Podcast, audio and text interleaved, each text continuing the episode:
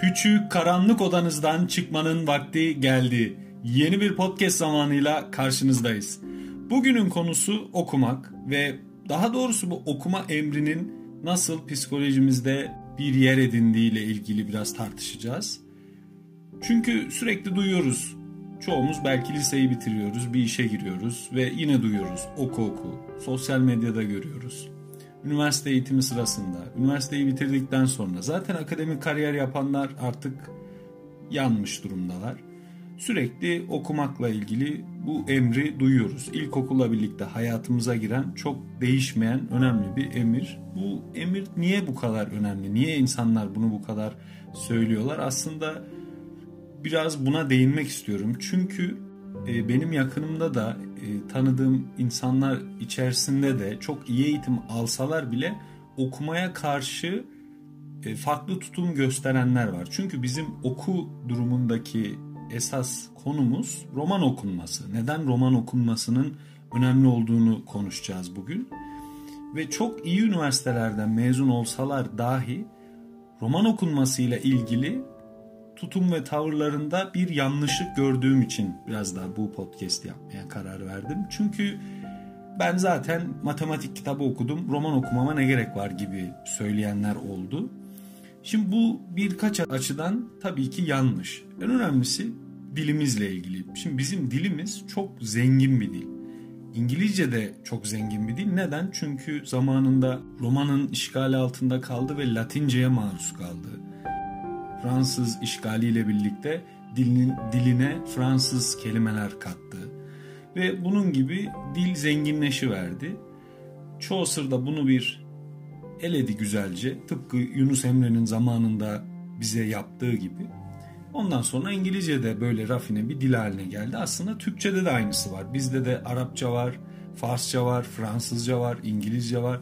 Birçok dilden beslenen ama aynı zamanda kendi öz dili de asla ölmeyen, öyle ki 2 milyon kelime türetebilme kapasitesinde bir dilimiz var. Batı dillerinin birçoğu bizim dilimiz kadar zor değil. Onlar daha kolay cümle yapısı olarak. Çünkü bizde sondan eklemeli olduğu için bunun sonu yok yani.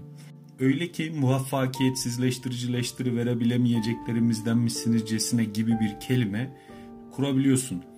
80 70 80 harfli kelimeler yaratabiliyorsun ve mantıklı da oluyor. Yani e, bunu tabii ki günlük hayatta bu kadar kullanmıyoruz pratik olmadığı için ama sonuçta teorik olarak dilin gücünü hani yarıştırmak için bunu yapıyorlar. Yani dilimiz güçlü, çok zengin. Dolayısıyla anlayamıyoruz. Yani birbirimizi anlayamıyoruz. Kelimelerin anlamını bilmiyoruz. Mesela naif kelimesini daima pozitif olarak kullanıyorlar. Ben bayılıyorum sosyal medyada yorum okumaya, bir videonun altına yazılan yorumlar insanların psikolojileri hakkında çok şey gösteriyor. Zaten dilin kendisi de toplum psikolojisiyle ilgili de birçok şey gösteriyor ve bu yorumlarda birini öveceklerken daima naif kelimesi kullanılıyor. Bunu görüyorum. Çok naif bir insan. Yani naif aslında pozitif bir anlamdan ziyade hani negatif, çocuksu demek yani. Böyle kolay kandırılabilen. Yani orada onların kullandığı anlamda değil ve bunu ya 10 kişide falan gördüm. Ee, çok yanlış yerde kullanıyorlar ve bu aklıma gelen bir örnek. Yani bu örnekler çoğaltılabilir. Dili bilmiyoruz yani çünkü naif zaten Türkçe değil en başında. Türkçe olmadığı için bunu bilemiyoruz. Ee, ama tuhaf tarafı Türkçe olanlar da bilemiyoruz. Mesela Atatürk dil ıslah çalışmaları kapsamında öz Türkçe bir metin hazırlıyor. Bunu okuyor. Kimse anlamıyor. Ondan sonra fark ediyor ki bu böyle olmayacak. Tekrardan dilin organik yapısını bozmadan müdahale edebildiği kadar müdahale edip bir ıslah çalışması gerçekleştiriyor. Çünkü dil organik bir şey, yaşayan bir şey. Yani evet ameliyat yapabilirsiniz, belli yerleri değiştirebilirsiniz ama komple hepsini değiştireyim dediğiniz zaman bu olmuyor. O zaman öl- ölüyor dil. Dolayısıyla dilimizi kendi öz dilimiz dediğimiz şeyde yaşayan bir şey olduğu için bizle birlikte atalarımız nereden yola çıkıp Anadolu'ya geldiyse bu süreçte bunu yaşamışız ve dil gelişmiş, büyümüş, kültürle birlikte filizlenmiş ve bir noktaya gelmiş. Şimdi bu zengin bir şey fakat okumadığımız zaman özellikle roman okumadığımız zaman, edebiyat okumadığımız zaman biz dilimizi kullanabilme kapasitesinden geri kalıyoruz. Zaten sadece bu bile aslında podcast'imizi burada bitirebiliriz ve bu yüzden okumalıyız yani. Çünkü anlayamıyoruz birbirimizi. Dikkat edin kavga etmeye çok hazırız bu yüzden. Çünkü anlayamıyoruz. Ne istiyor gerçekten karşı taraf, ne söylemeye çalışıyor. Bir de dilimiz çok çek sündür bir dil. Anlam oradan oraya kayabiliyor, çok değişebiliyor söyleyenden söyleyene de. Bu sebeple okumak çok önemli. Sadece iletişim kurabilmek açısından da. Fakat işin bir de toplumsal boyutu var. Yani bizim bir birey olarak karşılıklı olarak ilişkilerimizden ziyade bir de bir birey olma açısından, toplumumuzla münasebetimiz açısından çok önemli. Çünkü pencere vergisi diye bir şey var. Ya evet pencerenin de vergisi mi olurmuş diye düşünmüştüm ben de ilk duyduğumda. Fakat böyle bir şey var. İngiltere'de bu uygulanmaya başlandığında insanlar ne düşündü bilmiyorum. Bununla ilgili bir röportaj yok maalesef elimizde. Fakat zaten resmi kaynakların açıkladığı doğru dürüst bir şey de yok. Yani biz bu yüzden pencere vergisini koymuştuk diyen bir ortada durum da yok. Fakat bununla ilgili tabii ki hocalarımızın fikirleri var. Durum biraz kontrolle ilgili. Şimdi tabii ki İngiltere dramayla, tiyatroyla çok anılır. Edebiyatla anılır. Fakat İngiltere'de çok ciddi bir sansür mekanizması da vardı ve 1960'larda bu sansür mekanizması yavaş yavaş el çekti bu tiyatrodan ve sistemden. Kraliçenin, kralın, monarkın emriyle bunlar hareket ediyorlardı. Dolayısıyla çok ciddi bir sansür mekanizması var İngiltere'de ve tiyatrolar da defalarca kez kapandı zaten. O sebeple roman okunmasında da böyle bir kontrol mekanizması geliştirmek istediler. Çünkü evlerde o dönem kandil yanıyor ve ne kadar az penceresi olursa bir evin o kadar az ışık alacak ve o kadar akşam süresi kısalmış olacak. Yani bir an önce yatmaları gerekecek. Bunu niye istiyorlardı? Çünkü o dönemde çok yaygın bir durum vardı. Bu yaygın durum neydi?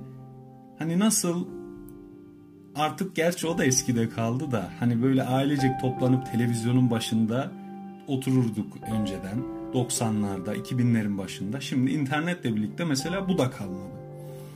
Ee, bunun gibi 1700'lerin sonu 1800'lerin başı gibi de İngiltere'de insanlar oturuyorlardı ve evin babası işte bir roman getiriyordu ve bu romanı okuyordu herkese. Böyle bir eğlence çıkmıştı. Bu çok yaygındı. Bunun önüne geçmek istedi yöneticiler ve pencere vergisi koyup bunu kontrol altına almak istediler. Peki neden bu kadar önem veriyorlardı onlar buna? Çünkü çok ciddi bir hadisedir. Kitap okumak insanı birey yapıyor, özgürleştiriyor. Özellikle roman okumak. Çünkü size birçok hayatın içinden insanlar sunuyor.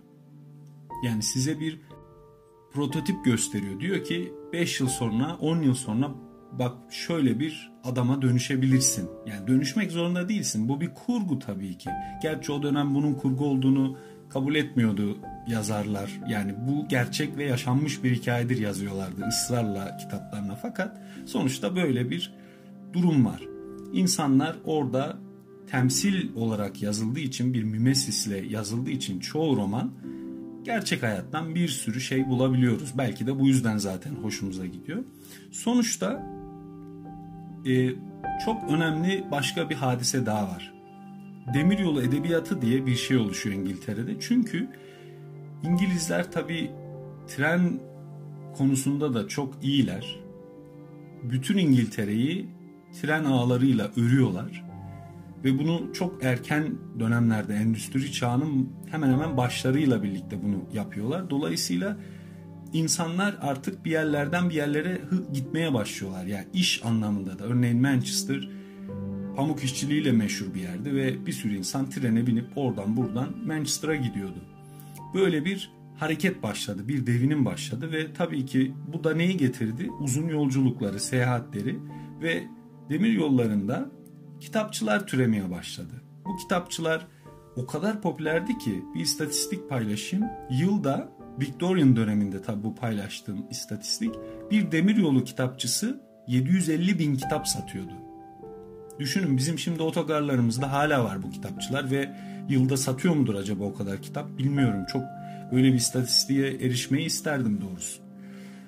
Bu e, demiryolu edebiyatı diye bir şey yaratıyor ve konusunda da romanın içerisinde de demiryolu geçen romanlar yazılmaya başlanıyor ve böyle bir durum var. Bu çok önemli. Bireyin gelişmesi açısından, kendisini ifade edebilmesi açısından e, çok önemli. Bu yüzden de yöneticiler bunu kontrol altında tutmak isteyip bir pencere vergisi diye bir şey çıkarmışlardı. Yani bu kadar önemli olmasa bununla muhtemelen uğraşmazlardı. Veya insanlar zaten 750 bin kitap satan bir tane kitapçı düşünün. Yani ve bu demiryolu kitapçısı. Bunun dışarıda kütüphaneleri de var. Bu kadar popüler bir aktiviteydi. Ve dolayısıyla e, nereden başlayacağız diye aslında düşünebiliriz. Bu bireyselleşme sürecini biz de aslında Orhan Kemal'in Gurbet Kuşları diye çok güzel bir romanı var. Bunun üzerinden anlatacağız. Aslında bir yazarımız daha var. Mahmut Makal'ın e, Bizim Köy romanı. Gurbet Kuşları ve Bizim Köy çok güzel bir seçim bence. Çünkü bu konuyla ilgili yani şehirleşme ile ilgili biz de burayı anlatabiliriz. Çünkü İngiltere'den bahsediyorduk. Burada bu romanın gelişmesi bir yandan da tabii market e, endüstrisinin yani bir marketin oluşmasıyla ilgili insanlar talep etmeye başladılar artık. Bireyselleşme ile ilgili okur yazarlığın artmasıyla, ucuz basım tekniklerinin çıkmasıyla ilgili ama en önemlisi orada tarlalarını satıp köyünü bırakıp şehre gelen bir 19. yüzyıl insan modeli var. Yani bir apartmanlarda yaşıyorlar ama 19. yüzyıl. Yani elektrik yok ama binalarda yaşıyorlar. O kırmızı kiremitleri kömür yüzünden tamamen siyahlaşmış bir İngiltere düşünün. Sokakları pis, insanlar hastalıktan kırılıyorlar ama yine de o tek göz evden kurtuldular. Herkesin bir odası olmaya başladı ve bu oda insanın bir bireye dönüşmesinde çok önemli. Çünkü o artık tamamen kendi kafasına göre hareket etmeye başlıyor. Roman da böyle odalar açabiliyor işte kafamızda. Bu konu da önemli. Fakat Orhan Kemal'in Gurbet Kuşları romanında ayrı ayrı odalar yok ve herkes kendi hayatına bakıyor. İstanbul'a göç eden bir aileden bahsediyorum ve aynı odada, aynı yerde yaşıyor bunlar. Ailede geleneksel bir ataerkil baskın baskı hakim. Ailenin kızı Fatoş'a çok ciddi baskı yapan abileri var. Fakat abileri de çok yanlış ilişkiler içerisindeler. Kendileri de babalarına karşı sorumlular ve mutlu değiller. Fakat yine de Fatoş o şehir hayatında abilerinden kaçacak, bir nefes alacak, kaçamak yapacak bir zaman bulabiliyor. Yani çünkü şehir böyle bir şey. Tek odada bile bu kadar etki ediyor. Fakat şehre nasıl geldiler? Mahmut Makal'ın Bizim Köy romanı da bunu anlatıyor aslında. Ve çok önemli bir roman çünkü 1966'da UNESCO Dünya Kültürüne Hizmet Ödülü alıyor bu roman. Yani köy fakir, ayakta nalın, yemek olarak kavurga yapıyorlar. Mesela susuz diye bilinen bir arazi var. Muhtar buraya insanları, işçileri götürürken zoru görüp de kaçmasınlar diye yemin ettiriyor. E tabii ki de ne oluyor sonunda? Tabii kaçıyor insanlar ve şehre geliyorlar. Orhan Kemal'in gurbet kuşları oluyor ondan sonra. Bu durum İngiltere'de aynı şekilde yani İngiltere'de de benzer şekilde bir önceki yüzyılda yaşanmıştı ve bunun sonuçları da benziyor bir şekilde. Çünkü insanlar birbirlerinden kopmaya başlıyorlar. Şimdi o tabii tek babanın okuduğu e, romandan sonra odalarda insanlar kendi romanlarını bu sefer okumaya başladılar ve bu onlara bir hayat görgüsü katmaya başladı. Tabii bir de şöyle düşünün. Şimdi ellerinde internet yok, bilgiye ulaşmak kolay değil, televizyon yok, radyo yok. O romanın içerisinde yazılan şeyler çoğu zaman yazar gerçekten bir yere gidiyor, geziyor ve o gördüklerini orada aktarıyor. Yani bir yandan da bir e, kültür aşılaması onlar için bir çeşit internette surf yapma gibiydi bu hadiseler ve onları bu noktada çok ıslah olmuş, gelişmiş, bireyselleşmiş bir toplum haline getirdi. Tabi bireyselleşmenin, bireyselciliğin de şöyle negatif tarafları var. Birbirleriyle bağlantısı tamamen kopmuş insanlar da e, güçlü olmuyor çünkü o zaman da sistem olmuyor. Fakat yine de bir sistem zincire benzetecek olursak en zayıf halkası kadar güçlüdür. Yani bir toplumda bir birey olmama yani kendi başına bir işini halledememe durumunu biz görüyoruz mesela etrafımızda. Bu çözülmesi gereken bir durum. Çünkü bir birey olmadığı zaman ama aynı sistemin içerisinde o zaman bu hepimize zarar veren bir şey oluyor. Bu sebeple çok önemli ve bizim bir bireye dönüşmemizde çok önemli bir yer tutuyor gerçekten okumak, kendimizi farklı paradigmalar içine sokmak, o karakterle bir 6 saat boyunca özdeşleşip onun gibi düşünmek ve anlamaya başlamak bize çok şeyler katacaktır. Ve tabii düşünebiliriz yani nereden başlayacağız? Peki bu kadar yüzyıllardır bunlar yazılıyor, ediliyor. E tabii çok yani eskiden beri süre gelen bir yazın sanatıdır bu romancılık. İlk tabii Cervantes'in Don Quixote'u var. 1605'te yayınlanıyor. Yani tabii ki Cervantes'ten başlamanıza gerek yok. Fakat yani daha farklı yazarlar da var. Neden İngilizce eserler daha çok övülüyor? Çünkü bahsettiğim gibi Latinceden, Fransızcadan zaten onlar da beslendiler. Farklı Latinceden, Fransızcadan kelimeler aldılar ve aynı bizdeki Yunus Emre'nin yaptığı gibi Geoffrey Chaucer da orada İngilizceyi biraz daha e, rafine etti, daha düzgün bir hale getirdi ve ondan sonra zaten Shakespeare döneminde de e, altın çağını yaşadı. Fakat dilin iyi olması, İngilizlerin edebiyata düşkünlüğü işin bir tarafı. Bir de tabii sömürgecilik dönemi ve sömürgecilik sonrası dönemin etkileri var. Sonuçta İngilizce bütün dünyaya yayıldığı için e tabii birçok yazar da kendi dilleriyle yazmak yerine İngilizce yazmaya başladılar. Mesela Salman Rushdie gibi yazarlar örnek verebiliriz veya sömürge ülkelerinden aslında biri olan yeni dünyada Amerikalardaki en büyük devlet Amerika Birleşik Devletleri'nin dili İngilizce oldu çünkü savaşı kaybetti Fransızlar. Kaybetmese Fransızca olacaktı. Kuzeye kadar çekildikleri için ne oldu? Kanada'nın resmi dillerinden birisi Fransızca oldu. Fakat bu surette Amerika'nın dili de İngilizce olduğu için orada da birçok yazar çıktı. Yani günümüzde de çok popüler yazarlar var Stephen King gibi. Fakat Ernest Hemingway bunların içine koyabilir miyiz bilmiyorum. Çünkü onu çok başka değerlendirmek lazım. Çok önemli bir yazar. Fakat onun tabi kitapları hangisini hangisinin önüne koyacağız bunu da söylemek zor. Ödüllerden bahsedebiliriz. Belki Nobel Edebiyat Ödülü'nün dünyadaki en prestijli edebiyat ödülü olduğu ortadadır. Ve bu ödülü genelde yani sanılanın aksine hani bir kitaba vermezler yani edebiyata yaptığı katkılarından ötürü yazara verilmiştir gibi. Yani bütün eserlerini bir bütün olarak aslında değerlendirirler. Ama yine de hani bir o yazdığı o önemli bir roman olur. Ondan sonra daha çok aday gösterirler. Hemingway'in bu romanı da Yaşlı Adam ve Deniz romanı. Bu romanın bir özelliği var. Bu romanın özelliği de şu. En az kelime sayısıyla Nobel Edebiyat Ödülü aldıran bir roman kendisi. E tabi şimdi olayın dışında yani sadece okur olup ya yazar olmayan roman yazmayan veya yayın eviyle çalışmayan insanlar bir roman kaç kelime bunu bilmeyebilirler. Yani romanlar ortalama 75-80 bin kelime oluyor. Yani bu tabii çok genel bir ortalama. Örneğin fantazyadan bahsediyorsak 105 bine çıkıyor. Bilim kurgudan bahsediyorsak 110 bine çıkıyor. Çünkü onlarda biraz daha açıklanması gereken kısımlar olabiliyor. Veya daha basit bir polisiye yazıyorsanız 70 bine düşüyor. Çünkü katil bulundan bütün hikaye bitti. Veya bir e, aşk romanı da yine 70 bine düşebiliyor. Bu arada oluyor fakat Yaşlı Adam ve Deniz 40 bin civarında. Çok kolay okunabilen bir roman ve çok çok güzel bir roman. Mesela bundan başlayabilirsiniz okumaya. Cervantes'ten başlamanıza gerek yok. Fakat tabi bu süreçte birçok farklı eser var. Okudukça insan kendine bir katalog yaratıyor ve benim sevdiğim türler diye ha ben böyle bir şeyi sevmiştim bunu da sevebilirim diye kendine bunu geliştirmeye başlıyor. Fakat bir de herkesin hem fikir olduğu, başarısını övdüğü romanlar var. Yani bunların başında bu yaşlı adam ve Deniz de e, geliyor.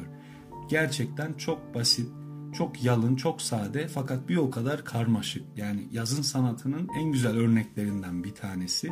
Kesinlikle bunu tavsiye ederim. Yani bu bireyselleşme sürecinde Biz de bu yüzden okumanın asla sonunun olmadığını anlamalıyız. Yani kendi sadece hoşumuza giden bu yarattığımız kataloğun içerisinde de kalmamalıyız ve daima farklı paradigmalara açık olmalıyız. Çünkü orada öyle bir insan var ve biz onunla aynı yerde yaşıyoruz. Biz onun nasıl düşündüğünü, nasıl hareket ettiğini bilemezsek şayet mutlu olamayız. Onu da mutlu edemeyiz. Aramızda kavga olur ve bu çok çok okumuş insanlar arasında da oluyor inanın bana. Çünkü o başka bir kültürde yetişiyor, sen başka bir kültürde yetişiyorsun ve o bir şey söylediği zaman sen de ofansif karşılayabiliyorsun. Bunu bundan alınabiliyorsun. O kişi bunu bilemiyor çünkü bilse yapmazdı zaten. Bunu tabii ki senin e, senle oturup senin bütün hayat hikayeni dinleyecek bir durumu da yok. Zaten sen de bunu düzgün bir şekilde muhtemelen anlatamayacaksın. Bunu ancak işte profesyonel şekilde bu yazın sanatıyla yapan yazarlar e, sağlıyor bize bu hizmeti. Ne yapıyor? Farklı karakterleri çok basit gelen bize birkaç cümlede toparlayıp sunuyorlar ve böyle bir empati yapma şansı kazanıyoruz ve tek konu zaten empati de değil. Çünkü biraz önce bahsettiğim gibi yani eski dönemde yaşayan insanlar için bunlar internette gezinme gibiydi ve şu an sanki bizim için değil mi? Yani biz interneti açtığımızda da bu sefer şöyle bir sıkıntı var. Çok fazla yanlış bilgi var. Ve bu yanlış bilgilerin hangisi doğru, hangisi değil ayıklamamız mümkün değil. Bir uzman, bir profesyonel birisi bize yol göstermezse bunu biz nasıl ayıklayacağız? İşte dolayısıyla gerçekten iyi bir yazarı takip ettiğinizde kendinize bu hayat görgüsünü kazandırıyorsunuz ve yine kendinizi eğitme şansı buluyorsunuz. Fakat bu eğitimi işte bir okulda, bir enstitüde alamazsınız. Bu kendisini insanın kendi geliştirmesiyle ilgili bir durumdur ve en temelinde kitap okumak gelir, roman okumak gelir. Çünkü o karakterlerle birlikte sizin karakteriniz de zenginleşir. Zenginleştiği için de daha farklı hadiseler karşısında daha zengin tutumlar sergileyebilirsiniz. Yani tek tip bir karakter olmazsınız.